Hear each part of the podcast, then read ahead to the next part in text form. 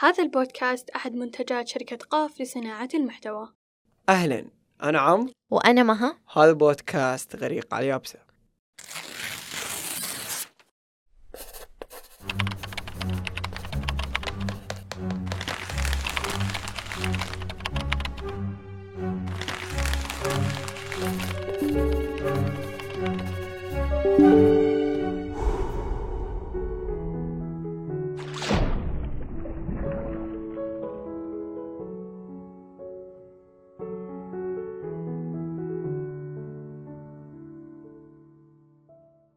حلقة اليوم راح نتكلم عن موضوع دائما كنا نتطرق له بشكل جانبي وبشكل جدا بسيط ولكن هو اليوم موضوعنا الرئيسي اللي هو ال social media ومتى نغرق بال social media؟ أهلا مها. أهلا عمرو. إحنا دائما نذكر ال social media بشكل ممكن هي تكون مدخل من مداخل الغرق زي ما ذكرنا في الحلقة الثانية في مداخل الغرق ذكرنا أن ال social media هو مدخل من مداخل الغرق. ممكن تقولي لي إيش أكثر شيء في ال social media يغرقنا؟ أو كذا أعطيني عنوان رئيسي هو يغرقنا في ال social media.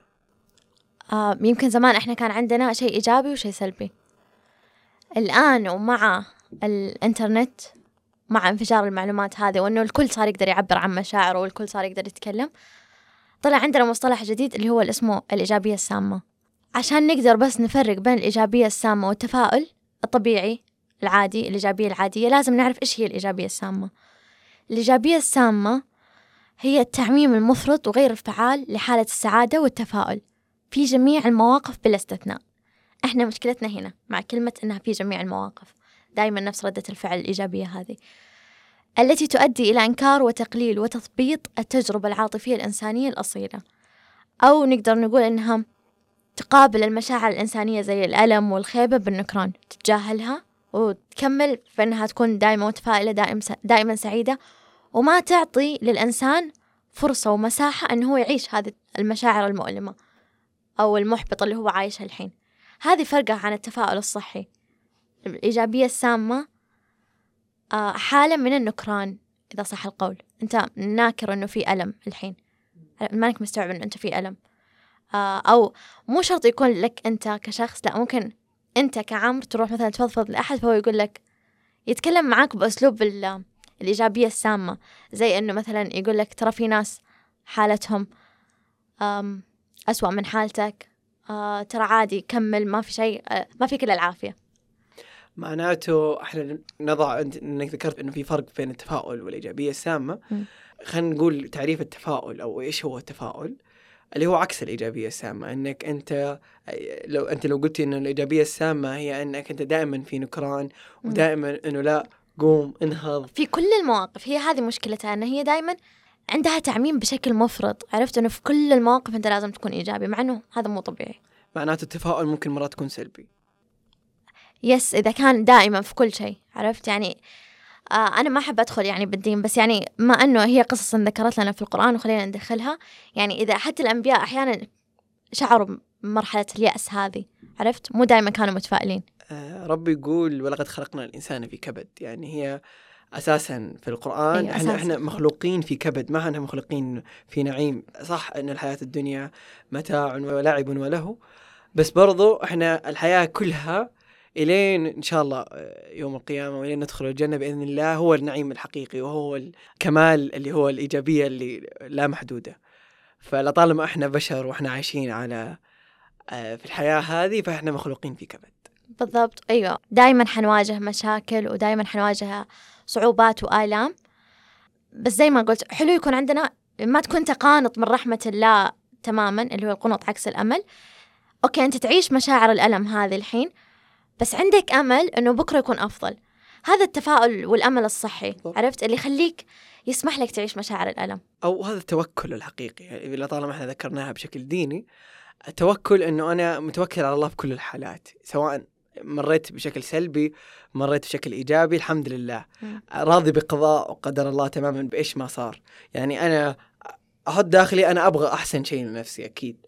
بس لما يصير شيء ويكون هذا الشيء ما هو الشيء اللي أنا عكس توقعاتي أو إنه يطلع شكل سلبي قدامي. أنا بس أنا متوكل على الله وراضي بقضاء وقدره. فخلاص أنا هذا التفاؤل الحقيقي أو هذا التوكل الحقيقي. أيوه أنت ممكن ما تكون ترى يعني مرة عجبتك النتيجة. الحين بس تتركها بعد فترة بتكتشف إنه لا اللي صار لك بذاك الوقت كان أفضل شيء ممكن يصير صحيح. لك. وعسى أن تكرهوا شيئا وهو خير, خير لكم, لكم. وعسى, وعسى أن تحبوا شيئا وهو شر لكم. آه بس عشان أبغى أختم آه الإيجابية السامة عندي كذا بس أربع نقاط. اللي هي عشان كيف نعرف إنه هذه الإيجابية اللي إحنا قاعدين نتعرض لها سامة. خاصة على ال social media اللي الكل صار يقدر يتكلم فيها. وطلع عندنا عدد كبير جدا من اللي يسموا نفسهم محفزين ويكتبوا في ال bio حقهم تطوير ذات تحفيز. الإيجابية السامة تكون بالعادة سطحية. آه، تسلب المشكلة الأساسية أهميتها عن طريق تجاهل المشاعر المتعلقة فيها. هذا واحد سطحية. ثاني شيء تعتقد أن قوة الإرادة هي الحل لكل شيء مع أن مو دايما قوة الإرادة هي الحل. أحيانا إحنا كبشر تواجهنا ظروف تمنعنا أن إحنا نسوي الشيء الفلاني تمنعنا أنه على الأقل إحنا ننجح في الشيء الفلاني حاليا. صحيح. فقوة الإرادة مو كل شيء. آه عندي تعليق هنا بسيط. أتذكر مرة من المرات كنت آه في مؤتمر وفي مدربة كانت تتكلم على نفس هذا الموضوع مم. بالذات قالت إحنا عندنا مشكلة في المصطلحات مم. فمثلا اللي يقول لك قوة إرادة ويلا صح صح و- وعزيمة بس لو غير كلمة قوة الإرادة أو العزيمة بالانضباط حيختلف كل شيء. صح. أنت تحتاج تكون منضبط ما تحتاج تكون عندك قوة إرادة قوية جدا. لأن أوكي قوة الإرادة مطلوبة ومهمة بس المهم أكثر هنا في هذه الحالة والالتزام. أنك تكون منضبط وملتزم. لأن الانضباط والالتزام هو اللي بيجيب لك النتيجة الممتازة. تعرف وقعها على النفس لما أنت قلتها كان أخاف صدق. يعني وقع كلمة خليكي منضبطة وملتزمة على نفسي كان أهون بكثير من كلمة قوة الإرادة. أصلا كلمة قوة الإرادة معناته أنت أول ما حتسمعها حتفهم إنه أنت إيش ضعيف إرادة. صحيح. عرفت؟ على طول حتروح في راسك لل... 100% للضد وإنه أنا عكس هذا الشيء. الشيء كمان الثالث في الإيجابية السامة إنه زي ما قلنا ما تسمح إنك أنت تعالج وتحس بالمشاعر حقة الألم. تتعارض مع تقدم حياتك وآخر شيء تحسسك كإنسان إنه أنت أنت الغلط. ولما أنت تحس إنك أنت الغلط تبدأ تحس بالعار وجلد الذات والخزي زي ما قلنا وتبدأ تقول عن نفسك إنه لا أنا ضعيف إرادة. مم. كل اللي قاعد يصير لي بسببي أنا. رغم إنه مو دايما يعني أنت السبب أو المشكلة.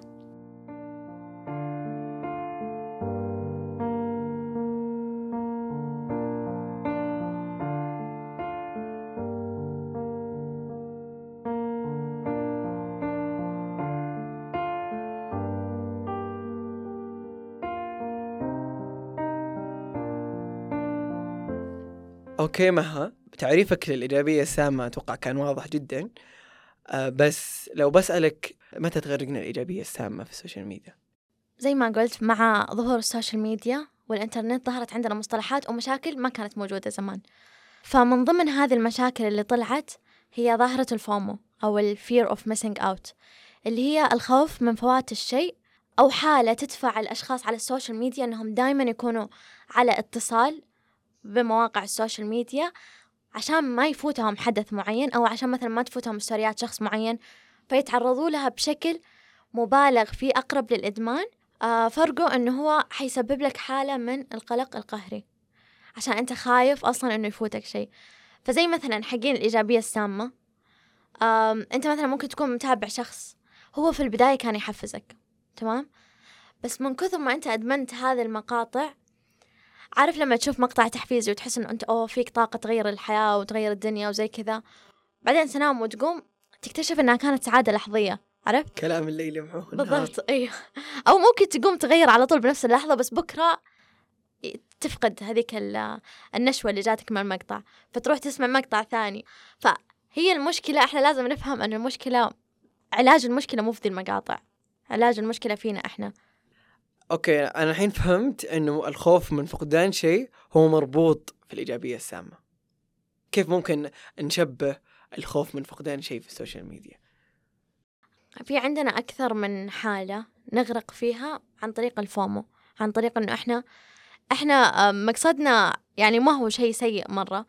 إحنا بس ما ما نبغى يفوتنا حدث مثلا على ال social media. نتطرق لأكثر من نوع من ال FOMO. واحد إنه هو يسبب مشكلة داخل الإنسان فإنه هو يبدأ يقارن حياته بحياة أشخاص آخرين. مثلا أنت تتابع المشهور الفلاني على سناب أنت عندك FOMO إنه هو مثلا ستورياته تروح عليك أو أي مقطع ينزله تحب إنك تكون أول واحد يشوف. فمع الوقت ممكن أنت تبدأ تقارن. شوف هذه المقارنة أنت ممكن ما تكون مدركها. okay؟ ممكن تقول لا أنا عادي أنا مو قاعدة أقارن حياتي فيه. بس عقلك اللاواعي أو عقلك الباطن مع كل اللي قاعد يشوفه على ال social media هو قاعد يفرز وقاعد يقارن وقاعد ممكن يطلق أحكام مو بالضرورة أصلا تكون صح. فندخل في حالة من المقارنات في ناس تقدر تخرج منها في دقيقتين تقدر تخرج مم. منها وما تأثر عليها. بس في ناس ثانية لا هذه المقارنات تأخذ من وقتهم وتخليهم يشعروا بالعار تجاه مشاعر هم حاسين فيها. أم ليش أنا ما عندي كذا؟ ليش هو عنده كذا؟ طبعا اللي يفرق في استقبالنا لهذه المقارنات واللي يفرق مثلا بين عمرو ومها بين شخص يقدر يطلع منها بسرعة وبين شخص يغرق فيها خلفياتنا النفسية اللي إحنا جايين منها. يعني مثلا أنا لما أفتح السوشيال ميديا في يوم والله أنا نفسيتي فيه مرة حلوة عادي يعني بنبسط لأي واحد مثلا اليوم آه، أشوف أشخاص ناجحة والله حلو عرفت؟ بيكون عندي هذا الطاقة إن أنا أتفاعل. بس مثلا لو أنا جيت فتحت ال social media وأنا اليوم مثلا فشلت في حاجة تمام؟ ومتلبستني مشاعر الإحباط والفشل وإن الدنيا علي. بس أنا مثلا أشوف أشخاص أنا اللي ظاهر لي من حساباتهم في ال social media إن هم نجاحهم صاير سهل عرفت؟ أقعد أقارن ممكن أدخل في هذا غرق المقارنات. زي ما قلت لك يختلف من شخص للثاني بحكم أشياء كثيرة. الخلفية النفسية اللي هو جاي منها في يومه هذا تأثر مرة. أتذكر في حلقتنا ماذا لو كنت أنت سام ذكرنا المقارنات وإنه حتكون سام لنفسك في الدرجة الأولى م. يعني وهذا أسوأ شيء ممكن توصل توصله إنه أنت لما مجرد إنك تبدأ تقارن ومقارنة سامة. طبعا في مقارنة سامة وفي مقارنة إيجابية يس في مقارنة حترفعك لفوق. يس وإحنا خلينا إحنا حاليا مركزين بس في اللي بتغرقك. أيوه. أنت تقدر تصنع تصنع نفسك تصنع طابعك أو تصنع قالبك. م. اللي هو خلاص أنا أنا عارف عمرو وين وصل له اليوم. أيوه وعارف هو إيش خاض تجارب إيش الإيجابيات اللي عند عمرو صار إيش النجاحات اللي صارت عند عمرو وإيش السلبيات. بحيث أنا لما أجي أشوف ال social media خلاص أنا عارف هذا السين نجح كثير ما شاء الله. okay أنا أنا نجحت شغلات كثير هو ما نجح yes فهذه هي إحنا اللي ممكن تنقصنا. إذا نقصتنا وكان في فراغ داخلي حيوصل لمرحلة إني أكون سام لنفسي. yes وممكن لأنه كمان ال social media عمر ما تظهر الجانب الكامل من الإنسان. ممكن يصير إن أنت قاعد تقارن أسوأ حالاتك بأفضل حالات شخص الحين. اختلاف الزمن بيني وبين هذا الشخص يعني هو الآن صح في أفضل حالاته بس هو زمان كان في أسوأ حالاته أنا ما كنت شايفة ذي الفقرة أو صحيح. الفترة من حياته فما ينفع أنا أقارن أسوأ حالاتي حاليا بأفضل حالات شخص ثاني صحيح. فإحنا مختلفين أصلا يعني في الظروف في البيئات النفسية في كثير شغلات. أه، أتذكر دائما المشاهير ال social media أو حتى الناجحين بعيدا عن ال social media كتجار لما يسألوهم كيف بداياتك يقول لك كنت بادي في مطعم اي لازم اي البداية الكفاحية. أيوه نادل. فيصير الكل يقول أوه خلاص أنا أبغى أصير نادل زيه عشان أوصل للي وصله وهذا هي الحقيقة إنه أنت ما أنت عارف من وين جاء من إيش بدايته. مو الكل مولود وفمه ملعقة من ذهب نعم فهي الفكرة إحنا في خلفيات عظيمة وراء وراء هذا الشخص. في خلفية هو إحنا ما نعرف عنها شيء. إحنا الظاهر لنا شيء لكن اللي في خلفية هذا الشيء إحنا ما نعرفه. yes آه دامك جبت طاري الملعقة اللي من ذهب. آه زمان أنا كنت أشوف إنه أي شخص جاء من عائلة ثرية مو من حقه إنه يقول أنا واجهت صعوبات. okay؟ زمان يعني لما كنت بالثانوي. كنت أحس إنه لا ما أقدر أ... أنت ما تقدر تطلع على منبر وتتكلم عن نجاحاتك لأنه أنت أصلا السبل توفرت لك. تمام؟ مين اللي غير هذه النظرة؟ فيني دكتور غازي قصيبي. لما قرأت كتابه حياة في الإدارة الله يرحمه يا رب غير لي نظرتي تماما. أوكي صح أنا ممكن أكون انولدت وأنا معايا فلوس بس أنا في غيري انولد وهو معاه فلوس وقاعد يصرفها عادي لما خلصت وأفلس. أنا حاولت آه، أنمي وأطور هذه الفلوس أصنع تغيير في العالم أأثر في اللي حولي بشكل أفضل. ممكن ما تكون معادلة أو مقارنة يعني صحيحة من ناحية المعطيات هذا عنده معطيات أكثر مني بس ممكن في النهاية كلانا ينجح. صحيح. يعني وكلانا يواجه صعوبات. أه بذكر هنا جزء من الكواليس لإعداد الحلقة. كنا نتناقش أنا ومها في فكرة القمة التسعة للجميع. يس. أه فقالت لي هي ممكن تدخل من ضمن الإيجابية السامة إنه قمة التسعة للجميع ويلا قوم واشتغل. فقلت لها لا عادي. فكرة القمة تتسع للجميع إنه عادي إنه أنا آه، أشوف أنا أكون ناجح تماما أو مولود في فمي ملعقة من ذهب وأشوف شخص ثاني لا يستطيع عنده مشاكل وأساعده وأوصله معايا القمة. عمري هي تختلف من ناحية الأشخاص صدق يعني. شوف أنا أنا ضد هذه الفكرة تماما يعني أنا ليش قاعدة أقول إيجابية سامة؟ لأنه أحيانا تجي بنبرة استعلاء أو تجي بنبرة شخص أصلا ناكر كل المشاعر اللي أنت فيها. يعني هو ما ذاق تجربة الألم اللي أنت ذقتها تمام؟ يعني زي كأنه شخص قاعد يتكلم من برج عاجي ما مر بالظروف الحياة القاسية خلينا نقول أو الكادحة اللي أنت قاعد تمر فيها فيقعد ينظر عليك.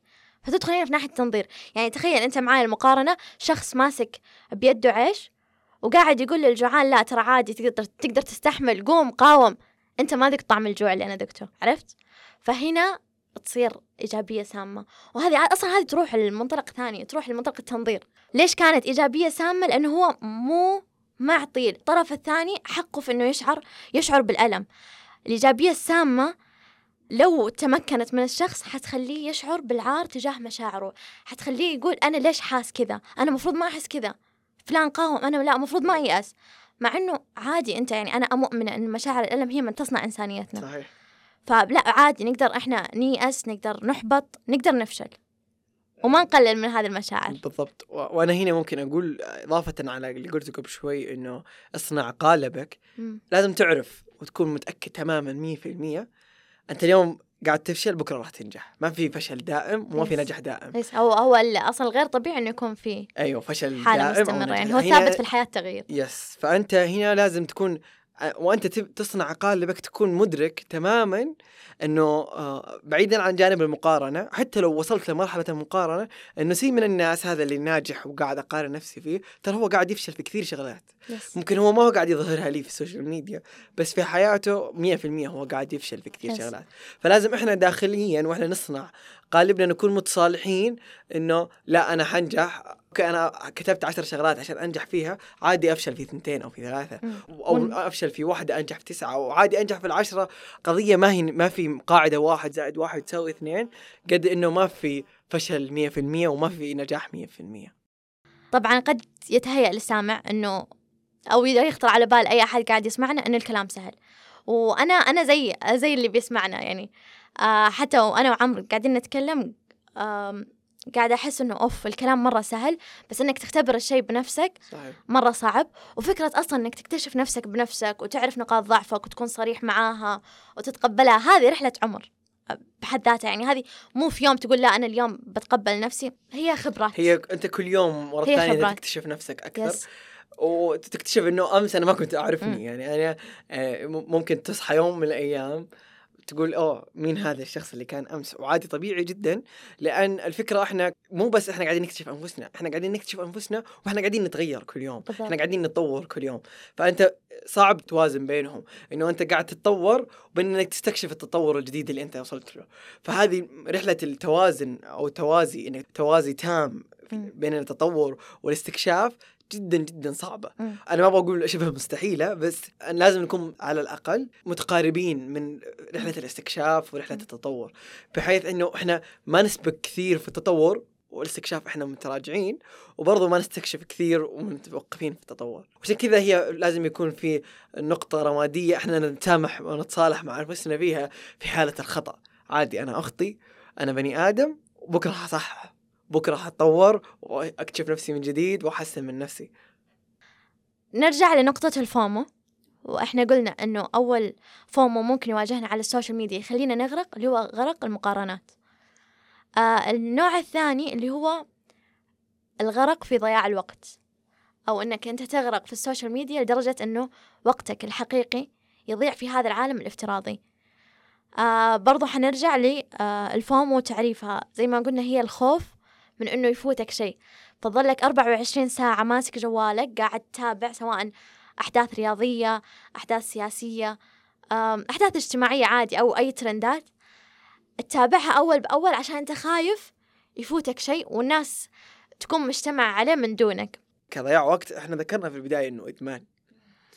أتوقع عشان كذا أنا خلاني عشان كذا أنا قلت إدمان إنه دائما غالبا ما في إدمان بدون ضياع وقت. يعني أنا ما أبغى أكون برضه هنا آه، إقصائي بس غالبا أو دائما الإدمان هو ينتج عنه إنه ضياع كثير من الوقت. وهنا أنا أرجع للنقطة نفسها اللي ذكرتها في البداية إنه فومو هو أشبه بالإدمان. فغالبا الإدمان هو ضياع وقت.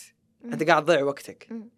يعني أنت لما تصير مدمن تدخل في آه خلينا أي نقول نوع من أنواع أي نوع. من أنواع الإدمان أنت حيضيع وقتك 100% حتركز عليه لأنه وتنسى ما في حياتك اتزان حرفيا. أنت الاتزان يصير مفقود وهنا يتسبب لك كثير مشاكل. فمثلا أنت لما تصير مدمن في ال social media حيضيع وقتك. وهنا أنا أفهم فكرة الإيجابية السامة لما يجوا وهنا يصير في لبس في عند مطورين الذات أو ال- المحفزين. كلا- كلامه يكون موجه مثلا للأشخاص هذول اللي هم مدمنين social media. أو اللي يتغذوا على الكلام التحفيزي فيخليهم يحسوا بنشوة السعادة هذه اللي تقنعهم إنه أنتم قاعدين تسووا أفضل شيء. لنفسكم الحين. بالضبط. إيوه بالضبط. زي المسكن الخفيف. مسكن إنه أنت أنجزت لطالما أنت شفت فيديو هذا تطوير الذات. كذا أنا تطورت تغذيهم إيوه. يعني آه أرتاح جزء منه من داخل أتذكر آه، ضيفتنا معالي في حلقة قالت المعلومات السريعة زي ال fast food اللي هو الوجبة السريعة يعني. الوجبة السريعة. هنا أشبه؟ المقاطع التحفيزية هذه زي ال fast food. بالضبط أيوه.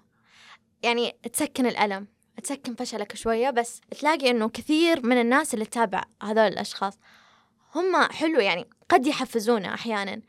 لكن أنا ضد فكرة إنه إحنا نتغذى دائما على فيديوهاتهم ومقاطعهم. لأنه حرفيا أنا أحيانا أحسهم ان هم قاعدين يبيعوا كلام بديهي أصلا. ففي حرام ناس يعني قاعدين يساعدوهم ويطوروهم للأفضل. أنا هذول أقول لهم كملوا دا- طالما إنه هذا الشيء قاعد يفيدك وفعلا أنت شايف أثره في حياتك وقاعد يخليك تقفل الجوال وتروح تنجز وزي كذا كمل. بس لا في ناس بس قاعدة تتفرج هذه الفيديوهات. آه، معناته لازم نقول لازم تعرف تفرق بين ال fast food والأكل الصحي. الأكل الصحي الوجبة لأن ال fast food زي ما ذكر وأنا حبيت جدا هذا المصطلح لأن ال fast food إيش يترتب عليه؟ سمنة يترتب عليه مشاكل صحية كثير. بس هو لذيذ بساعتها. بالضبط.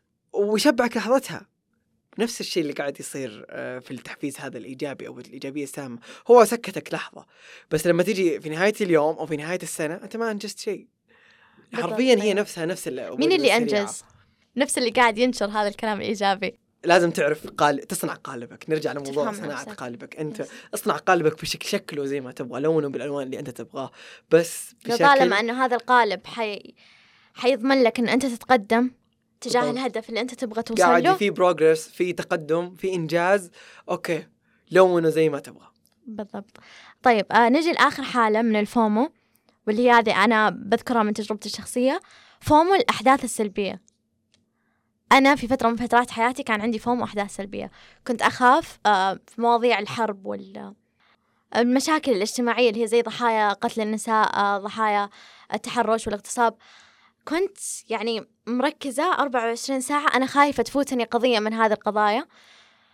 جانب مني اللي هو جانب مها الصحفية اللي اللي لو ما في أحد شاف هي الوحيدة اللي لازم تشوف. يعني أنا كنت حاسة إنه مسؤوليتي كصحفية إني أنا أشوف هذه الأخبار وأبقى على اطلاع دائم فيها رغم إني أنا كمها يعني شخصية أصلا حساسة وممكن أتأثر بتغريدة واحدة من 140 حرف تقلب يومي كامل.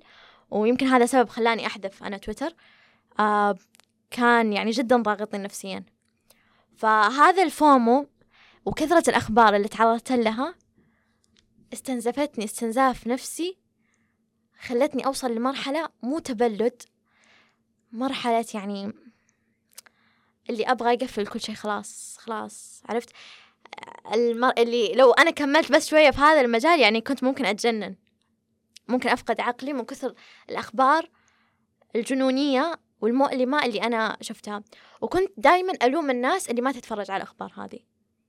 آه كنت أقول لهم ليش ما تشوفوها؟ وزي كذا. كانوا هم يعطوني إجابات. أنا كنت وقتها أشوفها إنه هي إجابات يعني كذا هم مسوين بابل وداخلين عايشين جوتها فقاعة. آه فكانوا يقولوا زي اللي مش إيش لنا بعوار الرأس؟ إيش لنا أقول خلينا إحنا في حياتنا. فكنت دايما أحس إنه لا لو كل واحد فينا أحس إنه هذا جزء من مسؤوليته الإنسانية ما كانت الحياة يعني أو ما كنا وصلنا للي وصلنا له الحين من حروب ومشاكل وقضايا. فحملت على عاتقي أنا هذه المهمة. آه أنا اللي يعني ممكن ما أغير ولا أشكل أي تغيير في هذا العالم حملتها على عاتقي. يعني حتى كنت أتأثر مثلا بالأسرى المسلمين مثلا في في الصين آه، بالأسرى الفلسطينيين. يعني حتى في أيام في طفولتي أنا هذا شغلة من طفولتي. آه، كان في يوم اللي هو زي إضراب طعام. في فلسطين للأسرى أضربت عن الطعام وكنت أشرب موية وملح okay. فأنا كان عندي FOMO بشكل آه سلبي جدا. يعني عارف اللي أهلي كانوا يقولوا ذاك اليوم إنه إيش يعني إيش استفدتي أنت الحين لما سويتي أنت أنت قاعدة تضري أصلا السالفة يعني أنت يعني هم إيش يبغوا فيك وأنت ميتة كذا مو قاعدة تاكلي ولا تشربي بالعكس إحنا محتاجين يعني مثل هذه القضايا ناس مهتمة مثلا إنها تطور لغتها الثانية عشان تعرف تتكلم عن القضايا الإسلامية آه وتنشرها بأفضل صورة ممكنة. يعني عرفت اللي إحنا محتاجينك حي محتاجينك مصحصح عشان أنت تكون آه صوت اللي ما لهم صوت. صحيح. المهم إنه لما وصلت ل خلاص اللي استنزفت كامل طاقتي من هذه الأحداث السلبية حاولت إني أنا أحمي نفسي أخيرا آه وأحذف ال social media عرفت اللي أنا ما عندي حل وسط. يا أبيض يا أسود. لا طبعا هذه الشخصية old of me هذه آه ما هي القديمة. آه لأنه كانت تأثر علي ما كنت أقدر أتحكم في نفسي. عرفت؟ يعني آه قبل ما أحذف تويتر كنت محولة الترند حقي فلبيني عشان ما أفهم اللغة. وفي نفس الوقت كنت في ال home لما أحد يسوي retweet لتغريدة ما كنت أقدر نفس أمسك نفسي في إني أتخطاها لا. كان فضولي يدفعني إني أنا أفتحها وأدخل على الهاشتاج هذا حق القضية السياسية والاجتماعية وأقعد عاد أشوف المصايب وما أنام. وأنا شخصية كثيرة التفكير. فهذا ال FOMO من هذا النوع جدا قاسي على الفرد. يعني آه يغير في نفسيتك كثير. حتى لو قلت أنا ما راح أتأثر فيه. وأتذكر تكملة لكلامك معها كان في أحداث سلبية كذا في العالم. ففي أحد الأشخاص عندي في الستوري منزل كذا ستوري أكثر مجموعة ستوريات حزن و... أو إنه أدعية وإنه تضامن مغير ال... الأفاتار تبع الحساب حاذف الصور. يعني كان متضامن 100% مع القضية أو مع الحالة اللي قاعدة تصير في العالم. نفس أيوة. اللي قاعد تصير بين أوكرانيا وروسيا أيوة. على سبيل المثال. ف أنا كذا out of no يعني من ولا شيء دخلت سألته إنه ليش كذا أنت شايل وزر هذا العالم كله؟ مم.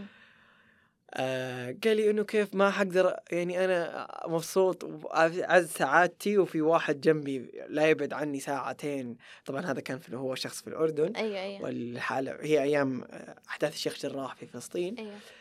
آه ف وفي على بعد ساعتين مني في ناس قاعدة تموت. وفي ناس قاعدة ما هم قادرين يعيشوا يومهم بشكل طبيعي. قلت له طيب خلينا نفترض افتراض إنه شخص من أحداث شخص من حي الشيخ جراح دخل وشاف الستوري تبعك. كيف راح يكون شعوره؟ قال لي عادي يعني ما ما أعرف إيش. قلت له تتوقع إنه لو شاف story عادي طبيعي أحسن من إنه أشوف واحد قلب الدنيا كلها عليه؟ قال لي هي اختلاف وجهات نظر. قلت له أنا أشوف أنا لو واحد في حالة حزن ومأساة ما أبغى أدخل استو... حزن ما أبغى أدخل ال social media وأشوفه كله حزن. أيوه. ما راح أدخل إذا كله حزن. فهمتك. أيوه. انه أنت تبغى محتوى يشيلك طبيعي. من ال mood اللي أنت فيه. أبغاه طبيعي. ما أبغى حتى ممتاز ويضحكني أو ترفيه أيوة. أبغى أشوف ستوريات طبيعية أو أو شيء جدا جدا بسيط اللي هو اليومي. ما أطلب الكثير ولا أطلب الكمال قد ما أطلب الطبيعي اللي هو العادي.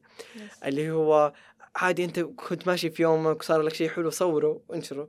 صار لك شيء مضحك عادي صوره وانشره. مو شرط إني أنا أقلب قناة إخبارية عشان أكون أنا كذا شايل حمل أوري الناس قديش أنا متضامن مع هذه القضية. لا أنا قد أكون متضامن 100% وأنا ما أنشر شيء على السوشيال ميديا هنا أنا بدخل بتكلم معاك كمهى صحفية عمرو. okay. إحنا عندنا حاجة برضو طلعت من المصطلحات اللي طلعت مع ال social media حاجة اسمها صحافة المواطن. هل كنت متخيل إنه مثلا الأشياء اللي الآن صار أي مواطن يقدر يصورها ويساهم في نشر قضية معينة؟ هل مثلا هذا الظلم كمية الظلم اللي في العالم الآن هل هي ما كانت موجودة من آلاف السنين؟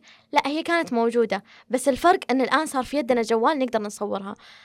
آه فصحافة المواطن ما أسمح لأي أحد ينكر أهميتها لأنه آه في صحافة المواطن إحنا إحنا أثرنا وغيرنا وبالعكس في قضايا كثير تم تغييرها لأن الصحفي المواطن اللي عادي ما عنده شهادة إعلام صور ونشر الخبر وسلط الضوء عليه ومع التكاتف الاجتماعي وأعتقد ليش إحنا كذا آه آه كشعب سعودي أو في السعودية نحب تويتر.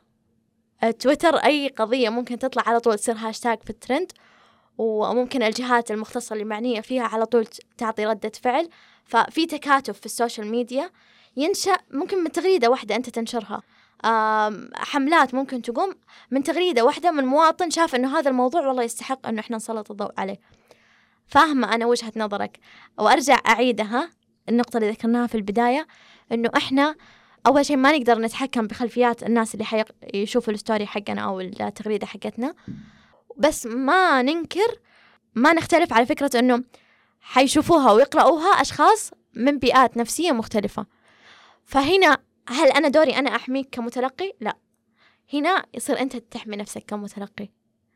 فلو في مثلا حساب أنت ما اليوم ستورياته مو عاجبتك عادي اطلع منه وامشي.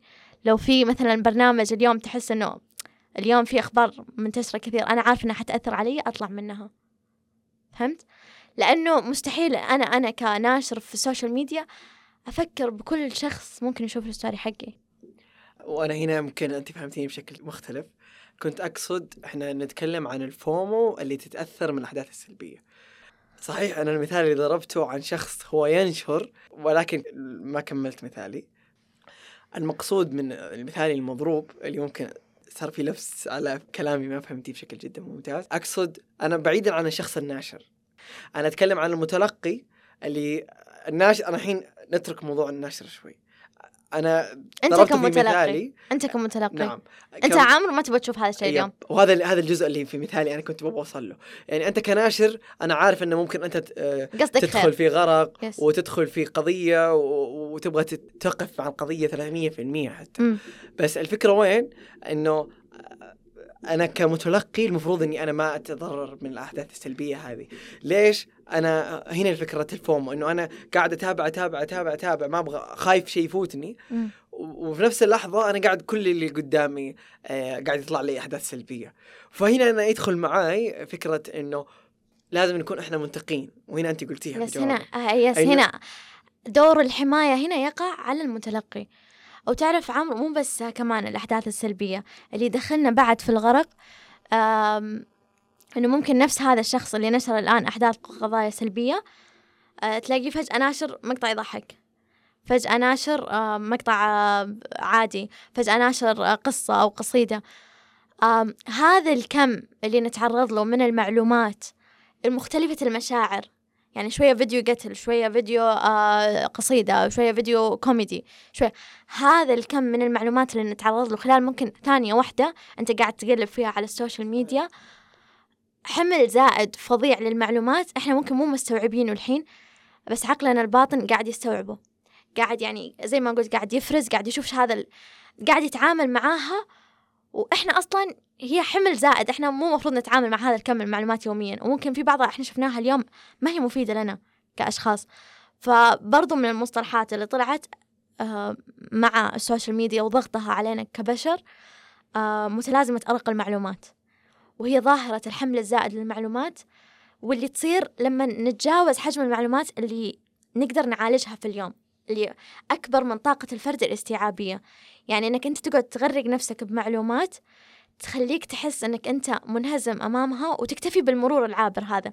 يعني حتى ما صارت لك مرة مثلا زمان كنت تتأثر لما تقلب في الفيديوهات حقت الهوم ويجيك مثلا فيديو يبكي تنزل ممكن تنزل دموعك بعدين تنزل تروح اللي بعده يضحكك بعدين تروح اللي بعده يبكيك. عرفت هذه التقلبات؟ الآن ما عاد صرت تتاثر صار خلاص مرور عابر. أيوه صار مناعة ومرور عابر آه من كثر ما إحنا تعرضنا لها. فالأشخاص اللي يفكروا بعمق في كل فيديو يشوفوه حيتعبوا. مية في المية. أنا وأنا أضرب هنا مثال على نفس على موضوع الأحداث السلبية. م. آه، أتذكر في مشهور في يوم من الأيام توفى والده الله يرحمه. فنشر في ال social media إنه توفى الوالد. فبعدها بأربع أيام خمس أيام رجع كمل حياته عادي في ال social media. أيوه. العالم ترسل له كيف كذا أنت أبوك لسه متوفي؟ أيوه. وكيف أنت مبسوط؟ أو ليش أنت قاعد قاعد تنشر ستوريات إنك مبسوط؟ فهنا هذا ال gap اللي قاعد يصير بين الشخص وبين المشهور هو قاعد يشوفه شخص ثاني بس بالأخير هو أنا وأنت نفس الشيء. yes.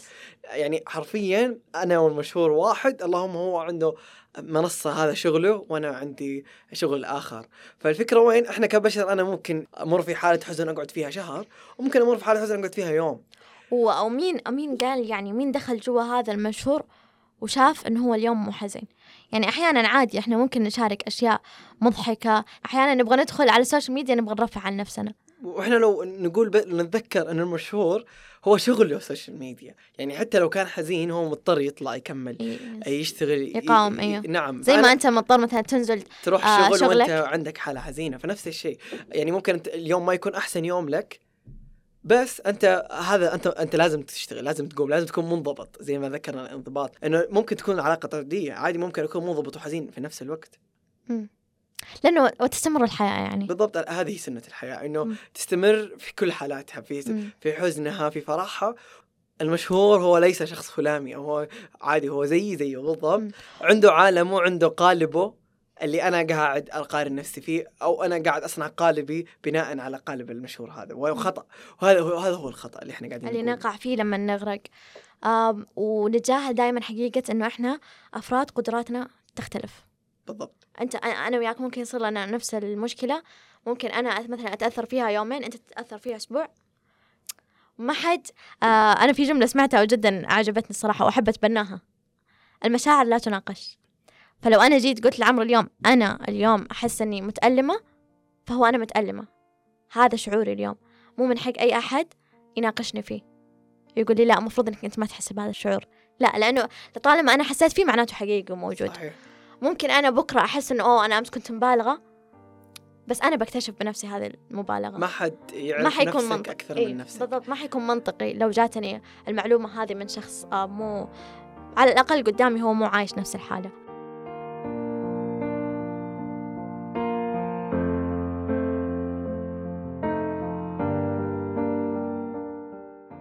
زي ما قلت أول من الطرق اللي أنا عشان أحمي نفسي فيها من الأحداث السلبية سواء كانت يعني عالمية أو مثلا أحداث زي ما قلت أنت وفاة شخص أو غيرها أحداث شخصية على ال social media.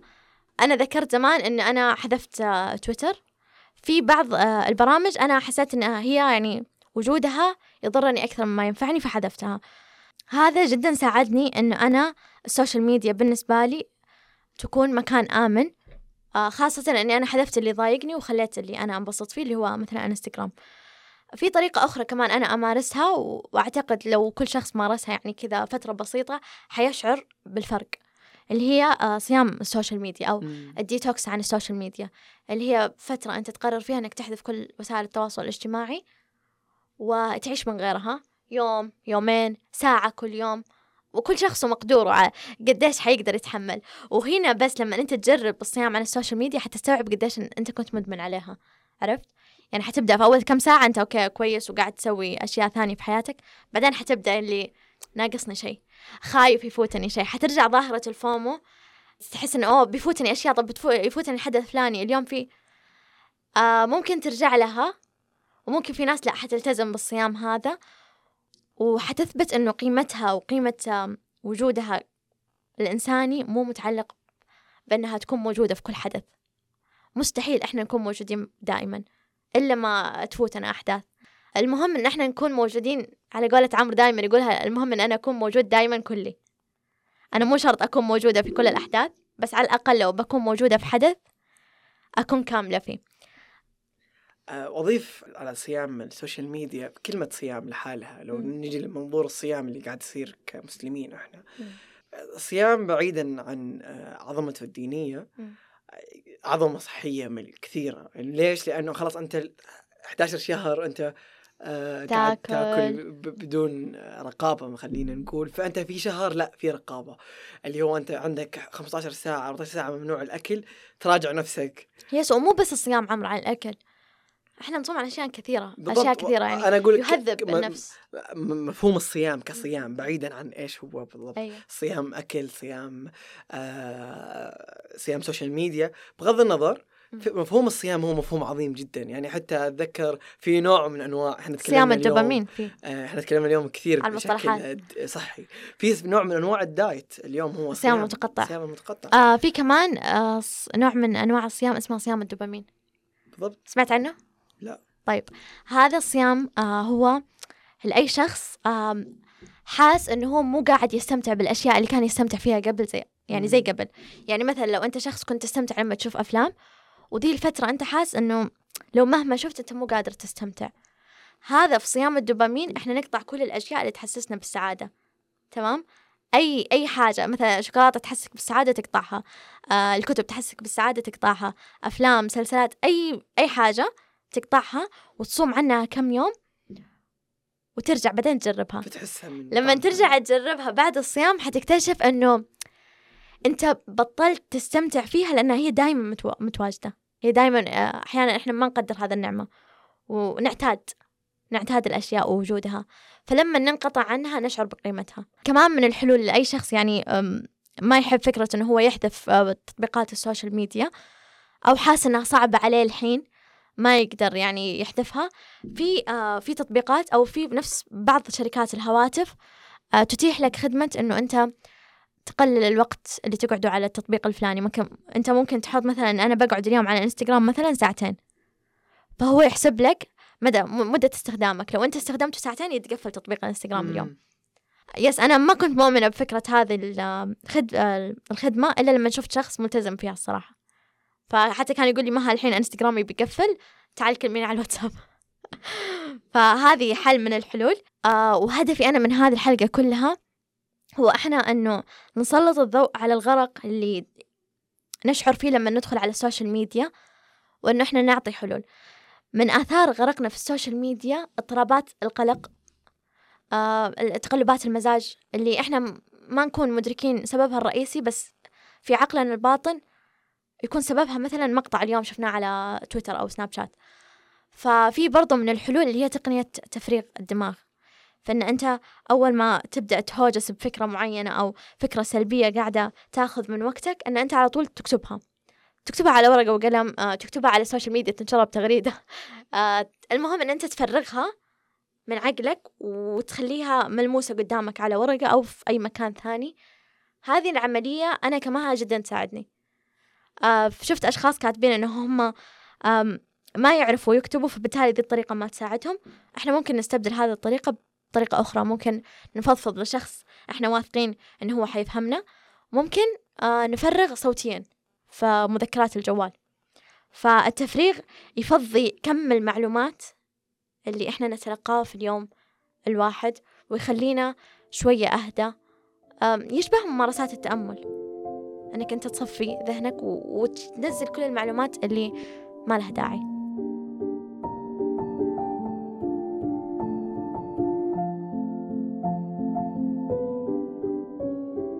إحنا وصلنا لنهاية الحلقة بس قبل ما نختم أنا حاب أذكر أو أنبه إنه إحنا فتحنا قناة تليجرام لكم مستمعين الكرام.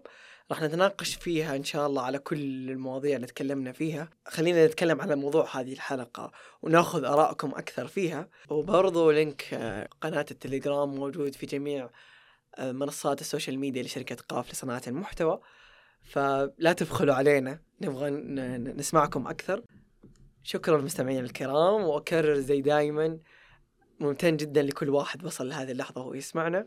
يعطيكم ألف عافية مستمعين الكرام. إلى اللقاء. وفي نهاية الحلقة كل أمنياتنا للغرقى على اليابسة بالنجاة.